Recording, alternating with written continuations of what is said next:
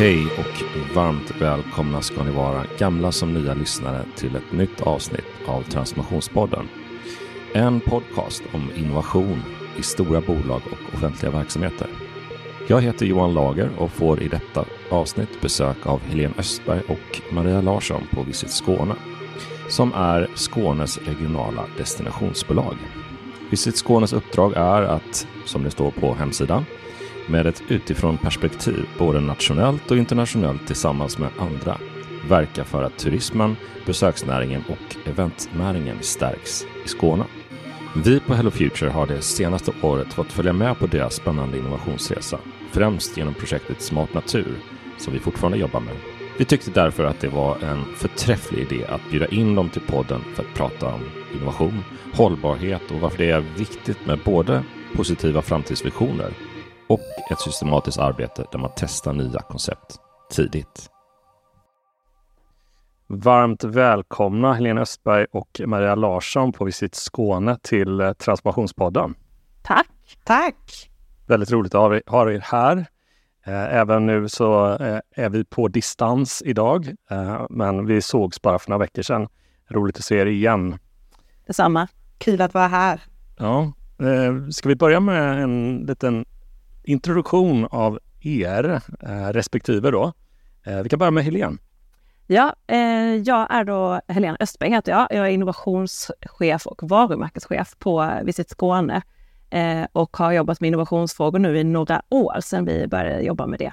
Eh, och är den, man kan säga att jag är, är liksom den strategiskt ansvariga på ledningsnivå för innovationsfrågorna hos oss. Mm. Och jag heter Maria Larsson. Jag är innovationsansvarig på Visit Skåne, eh, så jag är inne i alla våra olika innovationsprocesser och projekt eh, och har en bakgrund inom entreprenörskap, bland annat i Kina. Mm, spännande. Det får vi se om vi kan ut, utveckla fler frågor kring det då, helt enkelt. Men eh, jag vet ju det Helene, du, du har ju ett litet fritidsintresse också vid sidan av, eller fritidsintresse. Du, du håller på med författar science fiction-böcker. Ja, precis. Jag skriver eh, sidan om, det är mitt extrajobb, så att jag debuterade alldeles nyligen med en, eh, en roman för unga vuxna som heter Andra dimensionen, som är eh, ja, där man får använda sin fantasi extra mycket. Okay. Eh, I urban fantasy är det, men man, absolut, det, man kan absolut säga att det är science fiction-inslag också. Det är mycket vetenskapligt förankrat. Så. Intressant. Men då har jag en, en fråga till dig och till Maria här. Eh, och det är vilken favoritinnovation från science fiction eller fantasy eh, önskar ni var verklighet idag och varför?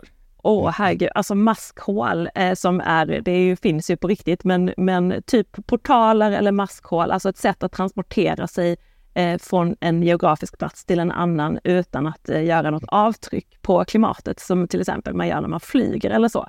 Det skulle vara helt mm. fantastiskt tycker jag. Det är min absoluta önskan. Och så skulle man inte bli åksjuk heller, vilket jag lider av ganska mycket. Ja, det verkar vara en helt fantastisk eh, innovation. Och Maria, vad har du som har hunnit tänka lite nu på frågan? Ja, precis. Min är faktiskt också kopplad till transport. Jag bara väntar ju på att vi faktiskt ska kunna produktutveckla de här sovkamrarna som man har på rymdskeppen i, i alla filmer. Där man kan resa väldigt långa sträckor utan att eh, bli gammal. Så jag, ah, jag bara väntar ju på att vi ska kunna resa ut i mm. rymden. Mm. Ja, intressant att se när de här, om vi lever när de här innovationerna är implementerade. Vi får se, då kanske det är så att vi får leva väldigt länge. Ja, men vi, eh, vi ska prata med er om eh, innovation och eh, konkret och praktiskt hur ni jobbar med det, men också strategiskt. Så då är min första fråga ganska öppen då. Vad, berätta om vad innovation innebär för er på Visit Skåne och varför är det så relevant just för er verksamhet? Eh, ja, men jag, alltså, vi sa egentligen aldrig vad Visit Skåne är. Det kanske förklarar sig själv, men vi är ett destinationsbolag, alltså för Skåne. Så att vårt ansvar är att utveckla destinationen Skåne och stärka varumärket Skåne och det gör vi då genom turism och evenemang kan man säga. Så det är liksom vårt uppdrag. Eh, vi har ett, ett, fokus på hållbarhet och framtiden. Man kan säga att, eh, att vi lever ganska mycket i framtiden och tittar på trender, hey. omvärldsanalyser, scenarier och så vidare. eh, för att liksom utveckla Skåne till en hållbar destination och att turism innebär en hållbar tillväxt och kan bidra mm. till samhället. Och då tycker jag, då hör jag ju själv mig säga var innovation platsar där. För att det finns massor med utmaningar, det finns massor med möjligheter där vi inte har svaren idag på vad lösningarna kan vara eller hur vi ska fånga upp de möjligheterna. Och eh, det finns inget annat sätt att, att jobba med det än innovation. Det kallas innovation mm. då tycker jag. Så det är det för oss. Det handlar om att ta oss framåt, eh, att utveckla, eh, att vara proaktiva och att liksom fånga upp det som vi ser komma där framme eh, på ett, så att vi är hållbara och inte behöver vara reaktiva mm. när det väl händer saker. Ja, nej men precis. Eh, ett tag så tror jag att det, det, det, var en del diskussioner där det mycket, alltså man kanske kunde få uppfattningen om att, eh, att man pratade om innovation för innovations skull och det kan ju lätt bli mm, buzzword och så vidare. Men jag tror för oss har det ju blivit eh, i våra projekt och processer, alltså det är ju ett verktyg egentligen i vårat liksom verktygsbälte, hur vi tar oss framåt. Eh, speciellt när det är så här, vi vet att vi vill ha till en förändring men vi vet inte riktigt vad den är eller vem eh, vi ska fråga och vem är användaren och så vidare. Speciellt i sådana processer eh, så, så är det ju liksom ett toppenverktyg att ta till att ta sig framåt helt enkelt. En metod så att säga. En nödvändig metod. Ja. Alltså det, det, det är ju helt nödvändigt för att vi äh, agerar och liksom i ett samhälle där, som bygger på en massa andra innovationer från förr. Alltså allting är, har ju någon gång mm. varit en innovation. Eh, men vi mm. rör oss in mot en framtid som är mer oviss, som innehåller nya moment, där det vi är i idag inte kommer att fungera längre. Och det är då vi behöver ständigt jobba med innovation framåt. Så att, absolut, håller med. Ett verktyg. Mm. Och vi ska gå in lite grann på vilka stora utmaningar ni står inför Eh, Eh, i er kontext eh, för att just den här verktygslådan, det här verktyget på bältet är, är så, så viktigt.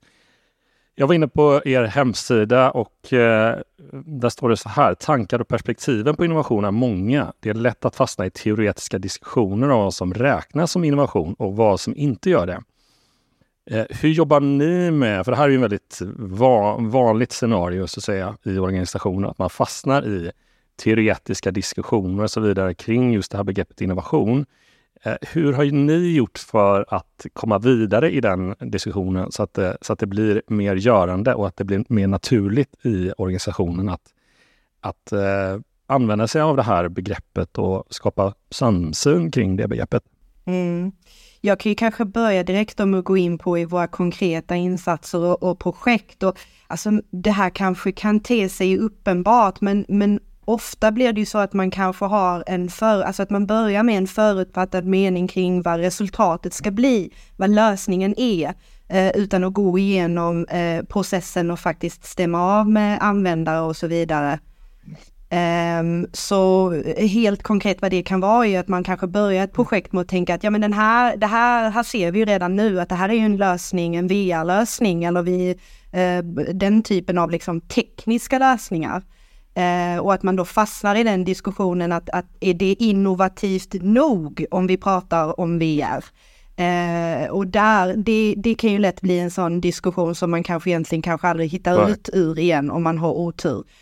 Um, så att det snarare uh, gå in med en viss öppenhet och titta på användarna, vem de, de nu än är i det just det givna projektet såklart. Men vad har de för utmaning? Vad är egentligen problemet här? Alltså samhällsutmaningen som vi vill komma mm. åt och vad innebär då, vad, be vad behöver vi för att mm. lösa den? Utan att hänga upp sig på någon typ av, av eh, teknisk lösning Nej, eller vidare. Så. Det blir lätt att snacka om teknisk höjd då mm. istället för liksom värdeskapande. Helene, har du något att, ja, att men vi, vi, vi satte tillägga? faktiskt en, vi satte en princip för oss själva i vår innovationsstrategi där vi säger att behov eh, trumfar eh, lösningar. Alltså att vi att vi absolut ska validera behovet eller problemet först. Eh, och det sätter också fokus på att vad innovationen ska användas till och verkligen inte hamna i den här prestigediskussionen Eh, för man brukar ju säga att innovation är något nytt som ska skapa ett värde. Men då helt plötsligt så börjar man med, men hur nytt är det? Och liksom istället för att prata hur mycket värde skapade, löste det problemet? Ja, exakt, exakt. Att, det är väldigt stor skillnad. Ja. Det blir en prestigediskussion i hur nytt är det, men det fanns ju redan, det är det verkligen innovation och så. och försöka vaccinera oss mot det genom att ha den här principen att liksom behov trumfar lösningar. Eh, och det är det som vi ska validera och helt plötsligt så mm. pratar vi om vad man kan använda innovation till istället och innovationsmetodiker och inte vad som räknas som innovation. Eh, så det tycker jag är en viktig inställning egentligen. Men vi möter, alltså när jag rör mig ut och så, så möter jag ofta den här, nej men vi måste veta vad innovation är innan vi kan arbeta med innovation. Och där är jag inte så säker på att det är rätt inställning, utan det är snarare så här, nej, nu, vi måste veta vad vi, vad vi ska och vad vi har för problem och utmaningar på vägen och sen måste vi lösa det. Och då jobbar vi med innovation. Vi behöver inte veta vad ordet är egentligen. Så tänker jag. Det är kanske lite tvärtom, men, men det har mm. hjälpt oss att släppa prestigen, att släppa kraven, att som Maria säger, att liksom eh, att det är inte så att vi sitter och tittar på AI och bara, vad kan vi använda det här till? Utan vi har ett problem där kanske AI skulle kunna vara ett verktyg för att lösa det. Liksom. Mm. Vi vänder på det. Mm. Men det är lätt att gå i den fällan eh, och det, det, gör vi fortfarande internt att vi får påminna mm. oss själva om det här. Um, för att det är också, jag tänker också kopplat till slutresultat i, i projekt och processer. Där är det lätt att man går i den här fällan att man vill ha något konkret ja. att peka på. Ja, men den här innovationsprocessen, vi, vi, det resulterade i en ja. app. För då har man något konkret att peka på. Men sen huruvida den appen då faktiskt löser problemet eller ej. Men är, man får påminna sig själv hela tiden egentligen. Ja, och, och jag tänker också att, man, att vi har sagt det, att vi måste våga vara sårbara och vara bekväma att vara i det obekväma. Det är också någonting som vi har skrivit till oss själva. Mm. För att det är så jobbigt att, att liksom, ja, men det blev kanske inte så radikalt som man trodde. Att man, alltså ofta så, så fort vi säger ordet innovation eller innovationsprocess eller så, som vi ofta använder det, så skapas, man, skapas det en förväntan på att man ska liksom komma med uppfinningar egentligen. Alltså man blandar ofta ihop ordet invention och innovation. Alltså invention är uppfinningar och då tänker alla att vi ska komma med det och så säger man ah, liksom så, det här var inte lika, det här var inte så stort och radikalt som Spotify eller sådär. Eh, men, det, men det handlar verkligen om att våga stå kvar i att, men, men vad som löser det egentliga problemet eh, och röra sig framåt i det. Eh, men det är svårt eh, och som sagt, ja, anledningen att vi sitter här idag är faktiskt också för att det, att det här är vårt budskap som vi tycker är viktigt att vi får ut, bland, framförallt bland våra offentliga kollegor i kommuner och regioner och som jobbar nationellt.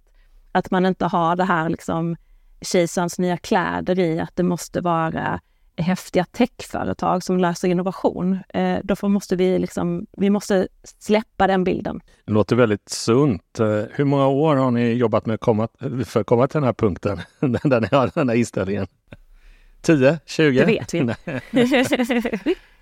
ja, men jag förstår att det är en mognadsprocess men... att, att landa det här och det låter väldigt bra. Ja. Mm, ja, och det är väl kanske inte så många år egentligen om vi ska vara ärliga så, Nej. men Eh, Eh, vi har ju sett till att ta vissa projekt och processer, speciellt i början när vi tog våra liksom första trevande och stapplande steg. Eh, och där vi misslyckades och sen så eh, verkligen maxade vi lärdomarna från det. Eh, vår strategi skrevs fram till exempel det med, med som Helene nämnde med så budord, vad vi inte ska göra och vad vi ska göra baserat på just ett projekt. Eh, så att man, eh, vi kommer säkert komma in på det mm. tänker jag också, det här med att eh, ha en kultur där det är okej att misslyckas, hur viktigt det är mm. egentligen. Och sen faktiskt lyssna på vad forskning säger, vad, liksom, vad, vad, vad innovationsmetodikerna säger. Alltså vi jobbar ju väldigt mycket med design thinking till exempel som metodik som är väldigt så här, eh, centrerat kring användaren och att testa sig fram och involvera användaren tidigt och mm. så.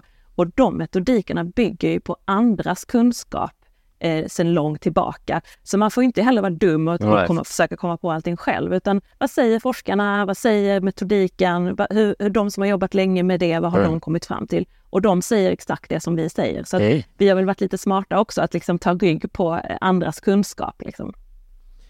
Ja, men ni är ju en, en eh, liten aktör, eller liten aktör, men en aktör bland väldigt många i, i Skåne eh, som ska göra innovation, så att säga, och kunna få det här att hända. Eh, ni skriver också om det här med att ni jobbar med öppen innovation, alltså att bjuda in fler aktörer, stora som små, att få en plats i innovationsprocesserna, eh, att de är gränsöverskridande alltså, eh, och bygger på samarbete det brukar ju vara något av det svåraste med att jobba med innovation. Hur, eh, berätta lite grann kring, kring det arbetet och, och vad, har ni för, liksom, vad ser ni för möjligheter eller utmaningar med eh, eh det där perspektivet som i och för sig känns som det enda vettiga perspektivet att ha, så att säga. Men, men svårt att, att göra i, i, liksom i genomförandet. Mm. Alltså, vi har, vi, alltså det här med att bjuda in, det har varit vår devis från början att vi ska inte sitta själv i vår innovationssport och vara hemliga och sen komma ut om vi kanske har hittat på en jättebra lösning och få beröm för den, utan vi ska tidigt direkt när vi ser problemet, så här, vi ser det här problemet, är det någon mer som vill vara med? Är det någon mer som ser det här? Så att vi, där har vi sagt väldigt tidigt att vi alltid vill jobba med andra lösningsaktörer. Vi vill, som Maria var inne på, vi vill inte binda upp oss på någon speciell teknik eller någon speciell kompetens och säga att det här är en kommunikationslösning från början, utan ha det här tvärsektoriella lite mm. Eh, perspektivet. Det är ju lätt att säga i teorin, och, eh, men desto svårare i praktiken. För här är det många som är ovana vid att jobba i en innovationsprocess som oftast är väldigt målsökande, som svänger väldigt mycket. Det är, man pratar om mm. liksom pivoter, att man liksom så här måste ändra riktning. Man, man sa en sak och så mm. gör man en annan sen och sådär. Och att få med människor i det, eh, som kanske då egentligen inte har tid eller resurser eller inte förstår riktigt varför och sådär. Det är så eh, krävande. Mm. Eh, och därför, det har vi också fått lära oss den hårda vägen att, att verkligen säkerställa att de som eh, kommer med oss, vet vad de har gett sig in i eh, och att de, att de också är lika intresserade av lösningen som oss. Mm. sådär. Så där har vi försökt allt från att skriva kontrakt liksom, mm. eh, faktiskt med företagare, alltså inte konsulter utan de som vi ska göra innovation tillsammans med för att vi var säkra upp att, att, att de är medvetna om att det här kommer ta tid, det kommer svänga, det kommer vara målsökande och sådär. Eh, och sen då också lärt oss att hur, kommunikation, hur viktig kommunikationen är längs med vägen, att hela tiden ha, vara transparenta under tiden också. För här handlar det om att lova en sak och sen blir det inte så. Alltså, det är inget projekt, det finns inget linjärt eh, och sådär. Mm. Eh, det är jätteutmanande eh, för oss och det är också utmanande att söka pengar i projekt till exempel, som är linjära, där man gärna ska mm. berätta vad man ska komma fram till i slutmålet. Liksom så, eh, där det inte Exakt. Ja. Eh, Maria, du har kanske något att tillägga där? Ja, men det är också, jag tänker att det kommer lite med eh, liksom naturen på de frågorna vi, vi jobbar med. Alltså när man har det här samhällsperspektivet och samhällsutmaningar så det är ju jättestora frågor man tittar på då. Och sen såklart så styckar man ju säkert elefanten vad gäller när man går in i projekt och processer. Men de utmaningarna, det, det, det tror jag vi, vi alla kan liksom tänka oss hur många aktörer som behöver vara med för att vi ska kunna lösa dem. Det är ju, det är ju ingen som har en lösning eh, på, på det. Så att eh, det, det också ligger lite i eh, fokusets natur att vi, vi behöver vara många som samverkar faktiskt för att kunna lösa de stora utmaningarna vi står för framöver. Mm. Och, och, det är ju lite så i det offentliga framför allt tycker jag, att, att vi har våra uppdrag, de baseras på nuläget eller oftast faktiskt dåtiden. Eh, och då eh, finns det ingen som är i de här mellanrummen mellan de här uppdragen. Eh, och därför är det också svårt att för nya lösningar att uppstå, för det är ingen som har exakt det uppdraget som inte Nej, finns. Liksom så. Mm. Eh, och där har vi också valt att, att, och får också ha mandat att vara den som faktiskt slänger oss in i de här mellanrummen och liksom är eh, liksom gnistan. Eh, och, och då märker vi hur, hur, det, alltså hur alla samlas kring det. Men någon måste gå in i tomrummet och vara gnistan och säga vi gör det här, vi drar det. Liksom. Eh, för då kan de andra också haka på och sen så får man liksom se längre fram vad det blir. Så att vi har, jag kan säga att vi har dragit väldigt mycket, men det har inte varit svårt att få med sig andra när man väl tar på sig den rollen. Mm. Nej, men jag, jag, jag skojar lite grann där tidigare kring hur, hur lång tid det har tagit för er och så vidare. Men eh, det är en sak som, som ni har fått på plats som jag kan tänka mig är ett, ett bra, en bra draghjälp i det här. Det är ju er strategiska färdplan för Skåne mot 2030. Eh, när togs den fram? Den togs fram 2019. Vi mm. jobbade i en, ja, men ett år egentligen. Mm. Vi utvärderade vår förra färdplan som också hade varit en sån här långsiktig. Och sen så gjorde vi det en samskapande process med alla kommuner och regioner och styrelser och sådär eh, under 2019 så att den då skulle börja gälla 2020. Eh, och så det är den som vi... Tioårsperspektivet. Ja. Mm. Tioårsperspektiv och liksom väldigt så förankrat med de som den sen ska, ska, ska följa den så att säga. Eh, så det, det, tog väldigt lång tid. Vi gjorde gedigen omvärldsanalys, trendanalys och sen samskapade vi fram eh, strategier och vision och målbild och så. Vi brukar ju ofta prata om det, inte minst i den här podden, vikten av en tydlig gemensam riktning eh, mot vad man vill komma någonstans. Alltså en positiv framtidsberättelse, någonting som kan få oss alla att, att enas då om vi ska jobba tillsammans och samskapa det här. Kan du berätta lite grann vad, om ni bryter ner den här färdplanen till innehållet, vad, eh, eh, vad står det i den? Eller vad, vad, vad är det, varför är den viktig att, att, äh, att, att, titta på om man ska förstå var, var ni vill komma någonstans? Eh, ja, men jag, jag är van vid att dra den här, ja. så att jag kanske kan väl göra det. Jag ska försöka göra det så kort som möjligt. Men visionen är då, alltså den visionära bilden är då eh, egentligen Skåne where tourist matters på engelska, så att alla ska förstå det. Eh, sen är det ju vår vision, det handlar om att turismen som faktor, att människor reser och besöker andra platser än där de bor, att det verkligen har en större betydelse för samhället. Eh, och det baseras på det här liksom, talesättet att vi ska vara en del av lösningen, inte problemet. Eh, och, och då behöver man ju titta på, okej, okay, var är vi en del av problemet? Alltså vad är det vi behöver minimera, alltså för att, för att vara hållbara, egentligen då hållbarhet. Men var har vi också potential att vara en del av samhällsbygget mm. framåt genom att göra saker på ett annat sätt? Alltså vara en del av lösningen. Vi har, eh, vi har Agenda 2030 som är väldigt bärande i, i vår strategi, alltså de globala utmaningarna som vi mm. alla måste jobba med. Var är turismen? Och det här fenomenet en lösning på det. Och sen har vi då liksom tittat på eh, en målbild då, där man tittar att vad turismen ska handla om, alltså att människor möts, Eh, att människor lär sig av varandra och att det är faktiskt en viktig del av liksom ett meningsfullt liv, att vara människa, att få resa. Men, men det kan inte ske på bekostnad av ett lokalsamhälle, av naturen, av det klimatproblematiken, utan vi måste liksom vara hållbara i det också. Så det är liksom själva andemeningen, alltså manifestet i, i vår Tourism Matters. Och då har vi sagt att ja, men för det första så måste turism vara en del av den politiska agendan, av samhällsbygget. Det kan inte bara ses som någonting som ska fixa lite arbetstillfällen och lite momsintäkter och så, utan det här måste verkligen designas för att vara en del av samhället. Hur bygger man attraktiva platser? Hur får människor meningsfulla liv? Hur kommer människor ut och rör sig och så vidare? Vad spelar, alltså hur designar man in turismen i samhället? Och det var ju inte utgångsläget när vi gick in, utan mm. det var någonting som vi såg behövde ske en förflyttning. Mm. Att man finns med på den politiska agendan egentligen. Så det är egentligen den första delen, att, att vi pratar om de här sakerna och att, vi tänker så. Sen, sen handlar det mycket om att eh, om du tittar på en plats med mycket turism eller turism överhuvudtaget, där de största problemen finns så beror det på att det kommer för många människor på ett ställe samtidigt. Eh, det är det absolut största liksom, eh, ja. påverkan på en destination. Eh, att det inte finns någon balans i besöksflödena. Så det är också en huvudstrategi. Mm. Sen kan det ju komma, sen är det inte bara antalet såg vi också som, som bestämmer om det är ett problem eller en tillgång, utan det är också hur människor beter sig när de kommer till en plats. Eh, alltså är de hänsynsfulla, omtänksamma, öppna, så är det ju bara en tillgång till en plats. Så gör det ingenting att det är 100 pers, men 10 personer som eh, som stör, festar, inte respekterar lokalbefolkningen och sådär, eh, då kan det ju bli en belastning ganska snabbt. Så därför har vi också en tredje strategi som handlar om det vi kallar för gäst gästskap. Alltså eh, hur, hur hjälper vi med värdskapet till gästerna att, att, eh, att bete sig rätt? Ja. Och här pratar vi beteendepåverkan. Eh, vi pratar ja, om lösningar som inte finns. Vi pratar om globala problem.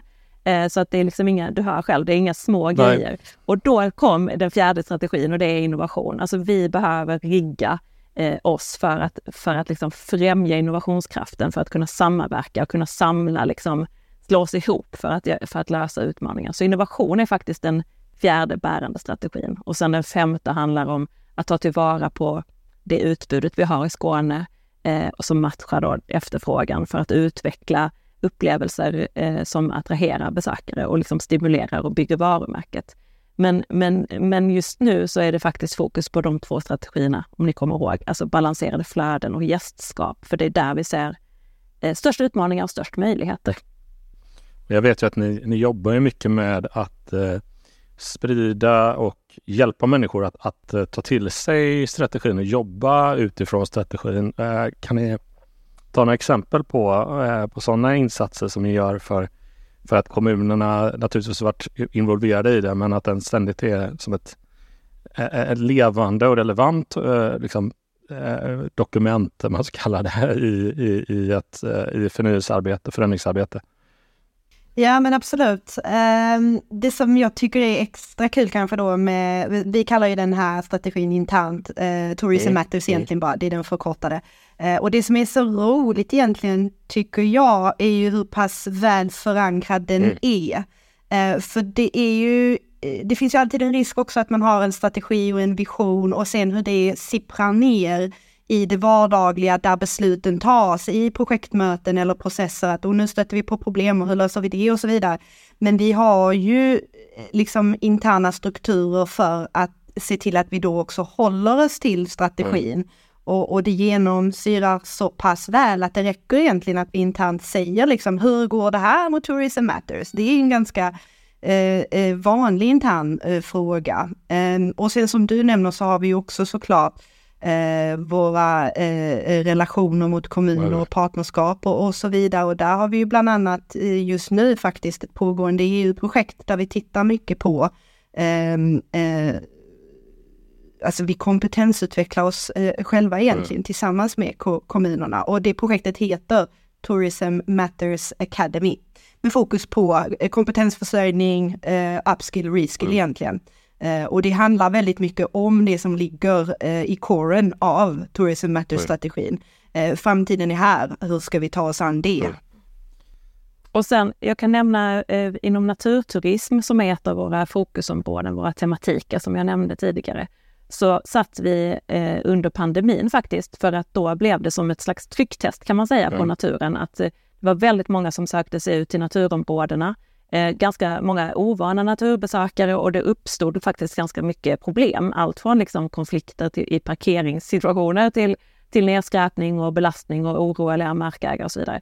Och då satt vi faktiskt i sådana här öppet sammanhang med Länsstyrelsen, med kommuner, med liksom naturskyddsföreningar, alltså alla intressenter samlade kring, kring runda bordsamtal där vi liksom metodiskt gick igenom så här, hur är läget, vad är problemen, vad händer om inte vi löser de här problemen, vad har vi då, vad, vad är det för risk med detta? Eh, och liksom vad är det vi egentligen vill uppnå? Så då fick vi väldigt tydligt liksom eh, en slags visionär målbild kring liksom, alltså vad faktiskt en tillgänglig natur och allemansrätt och vandringsleder och sånt, hur extremt stor eh, positiv effekt det kan ha på samhället. Eh, och därmed också turismen. Men också vad händer om vi inte löser mm. de här liksom, belastningsfrågorna? Eh, och, och, och då såg vi en ganska mörk bild. Mm. Alltså, ja, vi kan sitta och hoppas på det bästa, men om vi inte går in och löser någonting här och då var det just eh, till exempel då det här eh, besökstrycket, alltså flödena som vi såg ha, har jättestor påverkan och, och beteendet. Mm.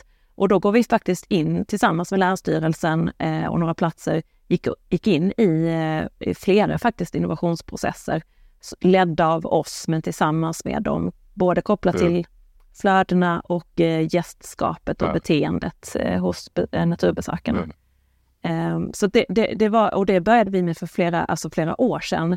Och, folk, och det första kallade vi för Uppdrag fotspår, där vi bjöd in allmänheten. Vem, vem vill vara med och lösa det här problemet? Vi har liksom ett problem. Eh, och det var liksom, ja, men jag vet inte, nästan hundra personer som anmälde sig frivilligt till att delta i en innovationscamp med oss då. Eh, och vi valde ut tio stycken och det var verkligen öppet och tvärsektoriellt på alla sätt och vis. Det var folk från hela världen och med alla olika kompetenser och sådär. Och då brukar folk fråga, vad hände med Uppdrag fotspår? Blev det ingenting eller? Säger de nu. Och, där, och vi bara, jo, det har lett till andra processer som har lett till andra processer som har lett till andra processer. Så att där, det, men det var så det började, med att ja. vi satt runt bordet tillsammans med, med aktörerna och bara, det här måste vi göra någonting åt. Här finns ju en enorm styrka i ett sånt eh, ett, ett sånt eh, starkt visionsdokument som kan engagera människor och titta framåt och se också eh, olika scenarier framför er eh, kring om vi gör något, om vi inte gör något. Jag tänkte på det när jag såg, jag tror det dök upp på på LinkedIn, en sån här bild, ni har säkert sett dem. Är, där är en, en, bild på en stadsdel och så var det, jag tror det var typ 70-talet och så var det nutid och det var från Düsseldorf. Den ena, ena biten var liksom motorvägar, det var någon industrilokal, Det var sånt där. Och så var det nutid då. Då var det grönska och det var liksom gås, folk som promenerade och så vidare. Um, och det, det, är bra att liksom titta tillbaka att ja, men, sådana här faktiskt beslut som man gör i riktigt långsiktiga kan faktiskt förändra saker och ting till det bättre om vi är uthålliga och vi jobbar tillsammans mot en ett tydlig vision. Och det är lätt att glömma det när man, när man jobbar i, hela tiden, man är fast i nuet och man tänker saker och ting man ska lösa nu.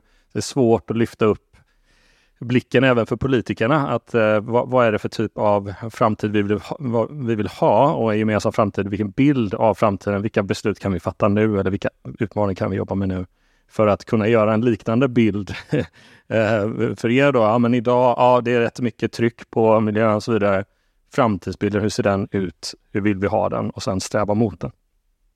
Så det är fantastiskt.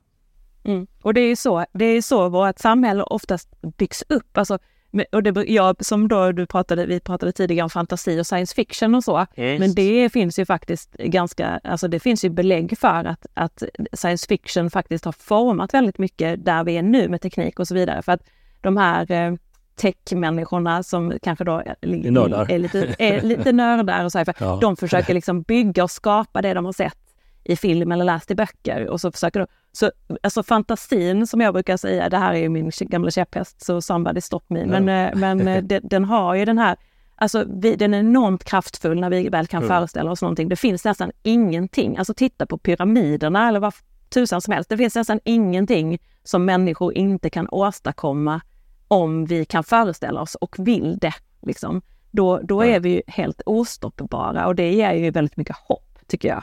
Eh, om man då mm. vet, alltså har en god bild eh, och inte bara är reaktiv utan liksom jobbar tillsammans. Och är, alltså det, mm. alltså vi, vi är jätteduktiga då människor. Vi är duktiga på att organisera oss, vi är duktiga på att innovera. Vi har det i oss liksom och fantasin är faktiskt den mm. kraften som, som leder oss framåt på det sättet. Så det ska mm. inte föraktas och tyckas att man är för flummig om man jobbar med, med den typen av övningar. Mm. Den är faktiskt avgörande.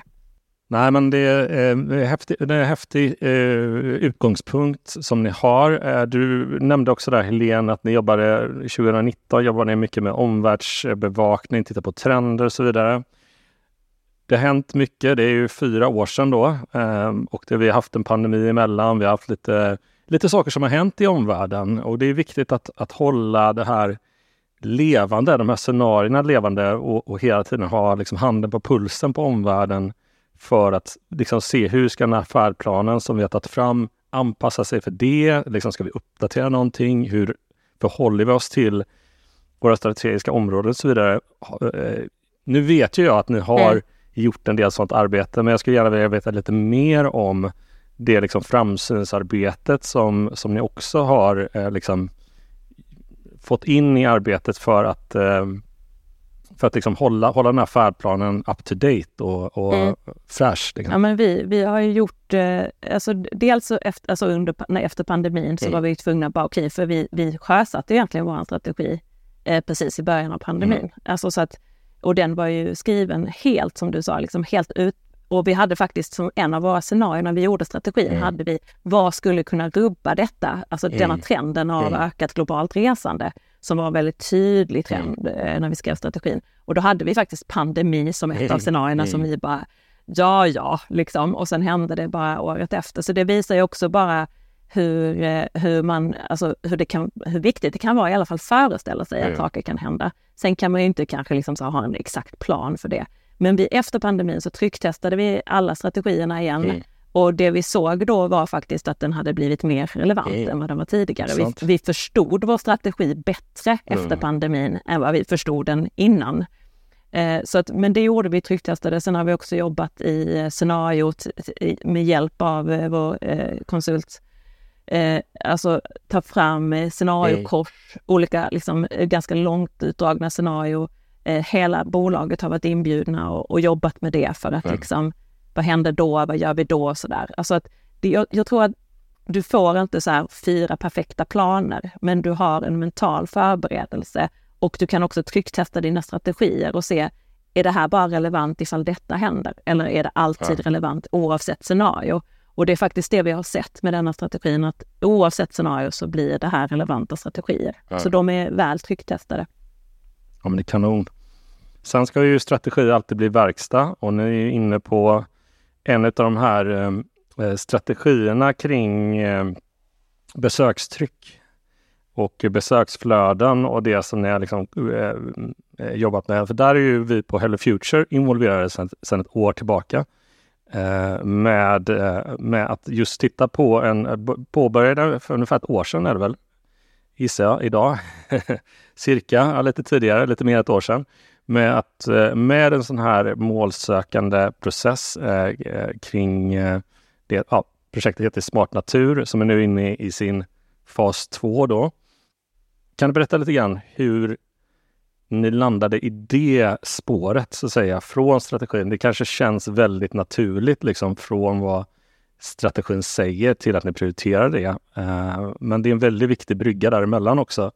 Uh, att, mm. att det ni gör också i konkreta innovationsprojekt, uh, då liksom lärandet föds tillbaks in i strategin så att säga, för att och hålla den mm. levande på så sätt. Ja men alltså, eh, nu får jag bara fortsätta för Maria, du var föräldraledig precis där i eh, ett tag men väldigt aktiv just nu. Så om jag bara inleder med Börja bakgrunden. Så, ja. det, var, det var just det här runda bordsamtalet som vi, som vi satt i, som jag nämnde där, efter, eh, liksom under pandemin när vi, när vi såg problemen. vi såg också åtgärderna som skulle åtgärda de här problemen, mm. vilket var att man stängde av natur, alltså för att skydda den mot människa, mm. alltså för, från mm. människan. Eh, och då såg vi också hur att allemansrätten var hotad. Eh, vi som då är en naturdestination i Skåne med mycket vandring och så, vi såg också hotet att, att eh, vår infrastruktur kommer försvinna och markägare och sådär börjar stänga av och inte vill ha led på sin mark och så. Så vi såg ju att hela liksom, naturdestinationen och tillgängligheten mm. var hotad. Um, och då var en av de här sakerna då yeah. eh, att det blev kaos på vissa mm. platser. Och, då, och då, varför vi kallade det för smart natur var just för att, att vi bara frågade oss, hur kan det vara så idiotiskt konstruerat i dagens samhälle med all den mm. teknik som finns? Att man måste åka till en plats flera mil eller liksom ännu mm. längre, liksom, alltså hur långt som helst, för att kunna komma dit och titta och se sig om, om det fanns plats eller inte. Eh, så, och då tänkte vi, men det finns ju smarta städer. Liksom. Varför, varför finns, alltså hur ska vi kunna översätta den typen av mm. liksom, flödeshantering till naturen. Eh, och, för det är ju korkat liksom att man ska behöva åka till Söderåsen och bara oj då, här var det fullt. Eh, och sen måste man liksom, sitter man fast i en traffic jam liksom sen. Mm. Eh, så vi såg bara att det här är ett jättestort problem. Och, och sen så gjorde vi faktiskt en omvärldsanalys också. Vi bara, det här måste ju någon annan mm. ha fixat. Det är klart att det finns lösningar. Så då gjorde vi en omvärldsanalys, titta i hela mm. världen efter liksom, lösningar.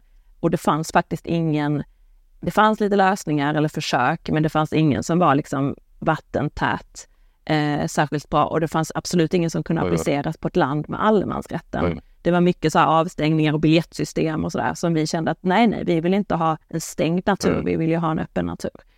Eh, så att det var där vi kom mm. ifrån, att, att vi liksom, finns inga lösningar, finns ett stort problem, det borde gå att lösa. Mm. Liksom. Men det här är ju någon, en, en utmaning som, som har tagit upp tv-tid eh, på, på nyheterna under, under pandemin och efter pandemin och speciellt under somrarna kring, kring att det här är någonting som väldigt många regioner brottas med. Just det här trycket på naturen, ökat eh, hemester och så vidare och så vidare. Eh, så att eh, alla lösningar som, som går att börja provtrycka nu är ju av, av intresse. Och det är så lätt att ta till de hårda åtgärderna. Mm. Det var liksom det var det vi såg, bara med bommar, med avstängningar, liksom det var det vi såg att, att, att liksom naturen, tillgängligheten till naturen som är en, liksom mm. en demokratisk rättighet, att den hotades för mm. att skydda den och, det, och naturskyddet är så viktigt. Men, men det, och då började vi fråga folk skulle, eh, i den här, tillsammans med mm. er då, eh, vad skulle få dig att faktiskt tänka om med ditt besök? Alltså vad skulle få dig att att välja en annan plats eller en mm. annan tidpunkt eh, och så. Och då svarar faktiskt ganska många, eller tillräckligt många, att, att jag hade kunnat tänka mig att, att åka någon annanstans eller någon annan gång ifall jag visste ja. att det var väldigt trångt. För att det är många som ser eh, naturen, alltså man vill inte att det ska vara trångt nej. och massa folk där, utan man vill gärna ha den här lite eh, fria naturupplevelsen. Mm. Så vi såg att det fanns också en drivkraft hos människor. Vi behöver inte stänga dem ute, vi behöver bara ge dem information. Mm. Och det var väldigt tydligt i de tidiga insikterna att, Att det var det, man ville själv ha chansen att ta ett eget beslut. Mm. Man ville ha informationen som man kunde lita på eh, och man ville liksom kunna ta ett eget beslut. Eh, man ville inte känna sig tvingad eller du måste ha en biljett eller du måste Ja. boka eller sådär. Och det var vi, det, det tog vi på allvar och sen gick vi vidare med den insikten. Liksom. Det var en hel del, vi stod ju inför rätt många utmaningar också gällande att de som är ute i naturen och så vidare ofta kanske inte planerar det så mycket, kanske inte söker så mycket information, eh, gör spontanbesök och så vidare. Eh, jag vet att vi, vi, vi, vi, vi, eh, vi hade en del stunder där vi var rätt så här, inte ja, frustrerade, men kring att ja, men, när i tiden ska vi på något sätt nå dem med den här informationen då? Eller, eller vad skulle få dem att lita på den här informationen? Ja, det var, det, var ett ganska... Det var en berg och dalbana där ett tag och liksom Mm. sätta, sätta fokus på när vi väl hade de här insikterna att gå vidare med någonting konkret. Mm. Och, sen, och sen började vi faktiskt, eh, Johan, du och jag var ju med och, och satt där med allt detta Ja, liksom svåra ja. faktiskt då och började koka, alltså reducera, reducera, reducera Mm. tills vi till slut bara hade liksom men om vi kan berätta, nu avslöjar jag ju vad vi jobbar med just Mm, nu, mm. men om vi bara kan berätta på ett trovärdigt sätt, Mm. alltså med live-data då egentligen, hur många parkeringsplatser Mm. som är lediga på en plats eller upptagna på en plats. Då har vi i alla fall gett användaren en chans att se att det kommer vara fullt när jag Mm. kommer dit, om vi också kan göra prognoser. Mm. Så då, och, och då behöver vi egentligen kommunikationen, behöver vi egentligen berätta att den här tjänsten finns. Mm. Alltså man måste vara medveten om att den finns. Så det var kommunikationsproblemet, Mm. att liksom medvetandegöra. Och sen var det tekniken måste vara pålitlig, för Mm. annars är det ju värdelös data.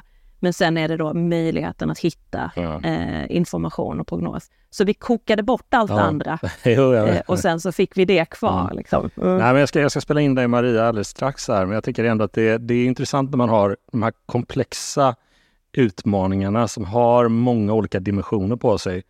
Ofta så är det att man måste ändå ha en hypotes om någonting ganska avskilt och liksom något man kan göra någonting konkret med för att sen bygga ut den hypotesen. Det är lätt att man vill liksom, ja, påverka många olika aspekter. Eh, men vi valde just den här eh, avskilda delen eh, baserat på de lärdomarna som, som vi fick. Och sen under det här året då så har vi ju gått vidare för att eh, ja, utveckla prototyper och så vidare. Eh, Maria, du får fylla på lite grann för du har ju kommit in nu i fas två. Vad händer? Ja. Ja, men ja, vad händer? Det är mycket som händer. Men Smart, smart Natur 2.0 är ju eh, verkligen ett, ett intressant projekt som vi Mm. har, verkligen eh, också. För jag vill knyta tillbaks lite till det du nämnde innan Johan, vikten av att hålla i. Mm. För här har vi ju verkligen hållit i. Här är ju liksom ett gediget förarbete med omvärldsanalys och förstudie och vi har Mm. haft en 1.0 där vi liksom stämde av med de här eh, personerna som åker ut Ja. eller som inte planerar och varför inte och hur skulle de reagera om det kom en bom och det var Mm. avstängt och så vidare. Som Helene var inne på. Så det är ju sånt gediget förarbete egentligen som har lett oss till att då kunna koka ner det så Ja. som ni var inne på.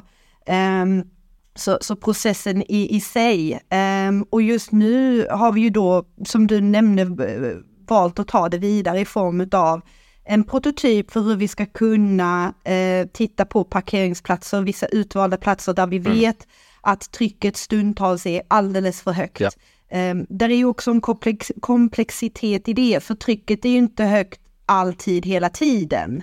Utan det är ju på vissa platser och ibland som det blir alldeles för mycket. Ehm, så det är också något man får tänka in i det hela egentligen. Så vi har valt platser Mm. eh, runt om i Skåne där vi har eh, samverkanspartners ehm, som, som vi håller på och, och tittar på att vi ska börja mäta antal fordon, hur många platser finns det? Eh, liksom hur många bilar finns det eh, plats till egentligen? När är det fullt? Eh, och om, hur kan vi kommunicera det till dem eh, som planerar att åka ut då, eller Ja. som vi också sa, inte planerar egentligen, hur når vi dem som inte ens planerar? Ja. eh, och, och egentligen då få dem att fatta ett annat beslut alltså om de hade tänkt åka till plats X och ser med live-data att det är fullt, hur får vi dem eh, att eh, välja, alltså att göra ett annat val? Så det är ju egentligen är vi ju eh, inne på beteendeförändring. Mm. så vi kommer ju behöva hålla i bortom 2.0 av det här projektet också.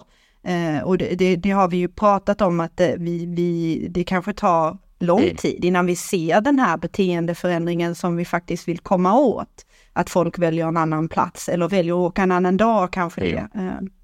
Lite så. Ja, men det, det är spännande nu när vi har pratat om de långsiktiga målen, strategierna, få med många på banan och så kokas det ner till ett, en rätt komplex utmaning eh, som man behöver jobba väldigt målsökande. Man jobbar med, som du säger, med design thinking, involvera många aktörer, stämma av, prova, jobba med den datan som, som vi får ut eh, genom att vi testar saker, genom att vi intervjuar eh, och sen liksom skala ner det till någonting som en hypotes som vi kan jobba med.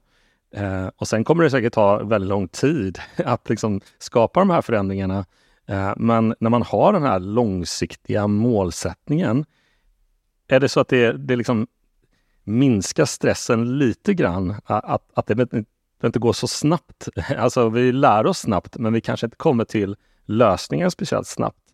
Eh, hur, hur, hur upplever ni det? Liksom att just det här med att hålla i kopplat till att man faktiskt har en, en, en, en färdplan som, man, eh, som är klubbad och som är, liksom, ger det där, den här dragloken. Förstår ni vad jag är ute efter? Lite grann?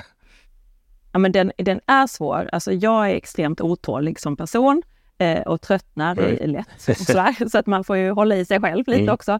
Eh, men men det, som, det som eh, vi var inne på långt tidigare här, att att liksom verkligen vilja lösa ett ja. problem. Alltså att verkligen, verkligen så här, det här är avgörande att vi löser detta. Då tappar man lite det här eh, att oh, eh, vi ska, målflaggan ska nå, utan man, det, det blir väldigt mycket Eh, alltså, eh, man, det är lite som att man har en, en, en, personligt mål, till exempel som att jag skrev en bok. Mm. Alltså det tog ju jättemånga år och jag var tvungen att lära mig mm. jättemycket och, och många motstånd. Men jag ville så gärna eh, mm. att det skulle bli en bok som någon kunde läsa. Och då är man nästan outtröttlig. Mm. Eh, och därför är det väldigt viktigt att, eh, att bara jobba med människor eh, som verkligen vill det och att man verkligen vill lösa problemet. Att någon annan har sagt att man ska lösa ett problem eller att man lite halvhjärtat går in i en process för att det kanske eh, man ska det är inte lönt Nej. tror jag. Alltså det krävs ganska mycket passion och vilja och liksom tro på att, eh, att liksom målbilden. Mm. Och då blir inte heller det här misslyckandet så, så jobbigt mm. tycker jag. Utan då blir ett misslyckande bara så, ah, då testar vi något nytt. Alltså mm. då blir det ett lärande. Så att jag tror att man ska bygga in väldigt mycket, det pratade jag och Maria om för några år sedan, väldigt mycket så syntetisk innovation mm. kallade vi det då. Alltså, eller innovationsteater mm. eller så, att man jobba med innovation för att andra ska bli imponerade av en. Det leder ju ingenstans. Ja. Alltså det är bara, det är bara slöseri faktiskt med resurser. Mm. Men att, att liksom verkligen ha problemet som du ska lösa och sen testa olika sätt och, och också vara ödmjuk inför att det här är inte det enda sättet, mm. utan vi behöver också hitta eh, komplement till det. Jag tycker att det ger oss faktiskt en styrka och ett självförtroende ja. Sen är det andra som ofta sa, åh nu lanserar Visit Skåne mm, den nya mm. lösningen, uncrowded, eh, står det i tidningen. Vi bara, eh, vi testar den och den kanske inte funkar. Liksom mm. Men andra vill gärna liksom tillskriva det här nyhetens behag liksom. och, och vi vet att, mm. att eh, eh, om det nu är en innovation så kommer den inte vara perfekt Nej. när den kommer ut. Eh, den kommer ha ganska långt kvar och finslipas och så har det varit med alla innovationer. Eh, Spotify som alla pratar om, bara, ja men det var inte den perfekta liksom, share, musiksharing-tjänsten eh, direkt. Så. så att det får man också, jag tror att man ska vara väldigt snäll mot sig själv när man jobbar i de här frågorna liksom, och, och bara eh, inse att det kommer ta tid och du kommer misslyckas. Liksom. Nej, men det är, man kanske inte alltid behöver ha det här tioårsperspektivet som ni har i färdplanen, men jag tror ju att många innovationsprojekt och så vidare borde ha mycket, mycket längre eh, tidsperspektiv på sig att faktiskt skapa de där riktigt stora förändringarna. Sen kan det vara bra att ha, ja men vi sätter en deadline att vi ska ha en första prototyp efter sex månader eller vi ska få ha någonting som faktiskt man kan använda sig av efter ett, ett, efter ett halv eller ett år och så vidare. Och så vidare. Men när det handlar om var vi ska någonstans, då måste man se de olika lösningarna vi tar fram som en del av den här liksom lång, långa transporten vi behöver göra mot ett annat, ett annat samhälle. Och jag, det tycker jag jag saknar en hel del när man, man pratar till exempel med, eh, Eh, med ledning eller de som jobbar strategiskt eh, med de här frågorna och de som är nere, innovationsledare som är nere och, och, och, och driver på processer som är säkert är väldigt värdefulla. Men man har ofta den här, det kanske blir rätt kortsiktigt perspektiv ändå när det handlar om att eh, för man vågar inte ha uppe de här indikatorerna på att saker och ting går bra är att vi faktiskt lär oss väldigt mycket mer och att vi samlar på oss det här lärandet. Utan man har ändå, det ska ändå vara någonting väldigt konkret. Och i ert fall tycker jag det är så bra att ja visst, det här uncrowded, den här tjänsten eller det vi tar fram. Det är liksom, ja det, det, det är ytan på någonting mycket mer som behöver få till av, av samhällsförändringen.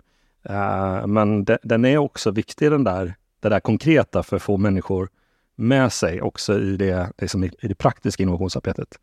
Och det var faktiskt därför vi byggde in den här rollen, alltså där vi faktiskt är innovationsaktörer. Mm. Alltså vi kallar den för prototyparen. Mm. Liksom. Eh, istället för, att vi, alltså vi var nog lite inne på att, att vara en främjar, eh, innovationsfrämjare mm. bara och heja på andra som jobbar med innovation. Men insåg att in, det kommer inte uppstå innovation överallt eh, utifrån, eh, för att affärs är det liksom eh, affärsdrivet, så ja, då finns det oftast mm. entreprenörer som fångar upp det. Men ick, alltså där man inte kan tjäna pengar kan du inte heller förvänta sig att det privata näringslivet ska vara, utan då måste det offentliga gå in. Och då såg vi också att ska vi vara relevanta för innovationssystemet, eh, mm. alltså Vinnova, mm. eh, andra liksom innovationsaktörer i, i Skåne och sådär, så måste vi också kunna det här och vara liksom relevanta. Mm. Och man blir inte en relevant innovationsaktör, antingen om man inte delar ut pengar, för Nej. då kan man ju vara relevant Aha. för andra, eller om man inte jobbar med innovation. Nej. Så att man kan inte bara sitta och snacka, liksom. det går inte. Sant. Ja, har du några inspel Maria? Ja, nej, men jag känner ju eh, som jobbar mycket i projekten och processerna, eh, det är ju ändå för jag håller med dig Johan, att det, det, det, är ju inte alls alltid att man har den lyxen som vi kanske har på Visit Skåne, att eh, liksom det är så pass väl förankrat med ledning och så vidare. Att man ska jobba med innovation och att man måste hålla i och att det kanske kommer att ta mm. lång tid innan man ser några resultat och, och sådär. Eh, um, så det är ju lite en lyx vi har. Jag känner ju personligen att Alltså jag, jag, jag, tycker att det nästan blir att man blir beroende av den känslan att när man börjar en innovationsprocess och man faktiskt börjar testa prototypen. Jag vill alltid komma dit så fort som möjligt för ja, det, det är det roligaste tycker jag när man börjar så här. Oj, nu funkar det inte alls, batteriet tog slut eller det börjar regna och så mm. kortslöt det och vi måste, alltså när vi väl kommer till mm. the good stuff, när man mm. verkligen börjar testa, Eh, för, för liksom så idéer, teoretiska idéer på ett papper i all ära, men att faktiskt sen börja testa sig fram. Mm. Och, och det, det, det, är ju all, nästan alltid man mm. stöter på patrull. Och, och det för mig är, det är mitt favoritögonblick i hela innovationsprocessen. ja. Då känner jag, då har vi kommit igång. det är saker som ska grävas ner och man, blir lite, man får gå ut med, med vet det, regnstövlar och och känna att nu, nu gör vi verkligen någonting konkret här i det och, och, och lär oss någonting. Ja, ja det är häftigt. Men det, mm. och det är faktiskt en av våra principer också. Vi har guidande principer. Jag nämnde det här att behov trumfar lösningar som den ena. Den andra är fastna inte på idéstadiet i en perfekt värld. Nej. För att det såg vi, framförallt vi offentliga aktörer, vi har en tendens att förälska oss i våra idéer och tänka ut och så, och så gör alla så här och då blir det så. Eh, och sen, så, sen bara köper man den lösningen och implementerar ja. den liksom och lägger i många fall väldigt, väldigt mycket skattemedel på någonting. Och vi bara testa tidigt. Ta reda på, för det är lite samma sak, vi såg det hela tiden hända med VR och AR och eh, ja, nu ser man det med AI också, att ja men tekniken lovar någonting Eh, men den, kommer inte, den är inte där än. Liksom, och så. Och då, då, lägger man väldigt mycket pengar. Jag tycker inte vi får slösa bort skatteresurser. Alltså, på det sättet. Liksom. Utan testa tidigt, fastna inte i den här ideologin. Liksom. Mm. Då får du bli författare och skriva dina egna världar. Ja, men det är lätt, det är lätt att man blir kär i, i lösningen och inte i, eh, eller ja, i idén och inte i värdet eller problemet som, som eh, man vill förändra. Eh, så att säga. Mm. Ja, speciellt kopplat till när man jobbar med beteendeförändring tänker jag, för att ibland tror jag att man har kanske, alltså man tänker då, man har fastnat i det eh, fasen, den perfekta världen, så tänker man ju kanske att användarna är, är rationella eh, varelser eh, som fattar logiska beslut. Och så, så, är det ju inte. Vi är ju människor som fattar väldigt emotionella ja. beslut. Eh, och det påverkar ju de där beteendena sen ja. som vi har, som vi försöker ändra. Ehm, jag kommer ihåg till exempel det innovationscampet som Helene nämnde innan, kallat. Fotspår, där vi bland annat tittade på nedskräpning. Eh, och, och där började vi med någon slags hypotes att om alla har information kring, alltså att det var en informationsfråga, en kommunikationsfråga, att om alla har information kring varför man inte ska skräpa ner och att man inte får det då i skyddat naturområde, så kommer de inte heller att göra det. Eh, och, och, vi vet ju att så Nej. inte är fallet. Jag tror det var Holmsa Irene som berättade att eh, när de gör undersökningar att 98 procent av de som svarar vet att det är dåligt att skräpa ner, men ändå så är det 5 procent ja. som gör det. Um, så, så där någonstans mm. också, uh, att verkligen gå in i, i de här beteendena mm. uh, och, och um, titta på det när man är i innovationsprocesserna. Mm. Vad, är, vad är det egentligen vi är ute efter? Och många vet kanske inte ens att de skräpar ner. De tänker att nej, men jag skräpar inte ner. alltså man har inte, man har inte självinsikt heller, att, eller att man sliter på naturen eller gör någonting som eh, man, man, är inte där eh, som kognitivt ens. Ja, um, samtalet börjar lida mot sitt slut. Vi har hunnit med väldigt mycket, eller det har bara gått fort tycker jag, för det har varit så eh, spännande och intressant och mycket att prata om. Men jag tänker det som lite avrundning så här, den som, vi har ju många som lyssnar på det här eh, som jobbar i organisationer som vill bli mer snabbfotade med innovation, eh, tackla lite mer större komplexa utmaningar. Eh, eh har, ni, har ni några andra medskick här i slutet av avsnittet för, för de som lyssnar? Ja men eh, alltså det är nog det här som har varit budskapet rakt igenom, men man kan ju förtydliga det i alla fall. Att liksom jobba mm. inte med innovation för innovations skull. Gör inte det till kejsarens nya kläder det, det viktigare är egentligen att se det som det här verktyget, att liksom jobba hellre då med att ta fram gemensamma, liksom tydliga, bara dit mm. ska vi. Hur vill vi att det ska se ut? Hur vill vi att det ska fungera? Varför vill mm. vi det? Alltså skapa den här liksom riktningen eh, och målet för människor och, och fyll på det. Och mm. sen bara så här, okej, okay, vad är problem? Vad är hindren för att ta oss dit? Vad är det som inte funkar mm. nu? Och så försök lösa det, för då kommer man jobba med innovation. Och sen så kan, finns det, som jag sa, det finns massa forskning, massa kunskap om eh, metodiker och, och så. Det, var, det bara tog ju vi in och började göra det. Mm. Eh, så mm. det skulle jag också rekommendera, att liksom inte försöka komma på det själv. Det är ingen prestige i att komma på saker själv, det är bara dumt. Utan använd mm. befintlig kunskap, börja se det som att liksom, hur löser vi detta, hur fångar vi denna möjligheten? Var beredd att liksom mm. förkasta eh, idéer eh, genom att testa dem tidigt och bara, mm. dålig idé, liksom så. Eh, men jag tror mm. verkligen att, att eh, det går inte att jobba med innovation på ett bra sätt för du kommer tappa bort dig om du inte vet vad du vill. Det är liksom det här Alice i Underlandet, liksom, vilken väg ska jag välja? Det beror på vad du ska. Liksom. Mm. Mm. Ja, jag skulle säga eh, att var inte rädd för att göra fel, för det kommer att bli fel. Alltså, och fel då, att man, man kommer mm. att känna att man kanske har misslyckats i process och projekt och sådär. Och det är precis som det ska, det här med att vara eh, bekväm i det obekväma. Det är ju jätteobekvämt att det blir fel. Mm. Um, men bygg på det, lär från det och bygg på det, ta det vidare och, och ha en intern kultur där det är okej okay och använda det, uh, att det blev uh, fel och, och, ta det vidare framåt. Mm. Och sen har jag faktiskt ett råd till, om jag nu får dela ut råd så här. Det handlar om att se till att det är eh, det här kanske kan låta lite konstigt, mm. men att se till att man har människor, alltså rätt människor med sig. För att det har vi faktiskt upplevt att det, att det går inte riktigt att jobba med, alltså det psykologiska. Det, mm. Alla människor, man behöver vara ganska öppen som person. Mm. Man behöver verkligen vilja någonting och man behöver kunna släppa idéer, man behöver ha den här nyfikenheten.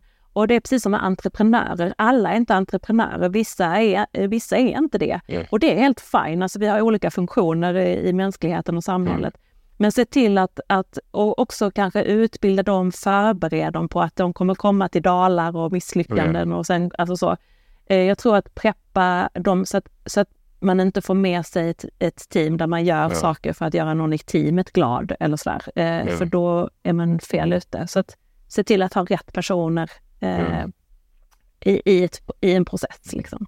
Ja, det är inte en stor procent av, av, Sveriges befolkning som är entreprenörer, men de som är det skapar väldigt mycket förändring och väldigt, eh, väldigt mycket. Så det, det, är bra att ha lite perspektiv på det.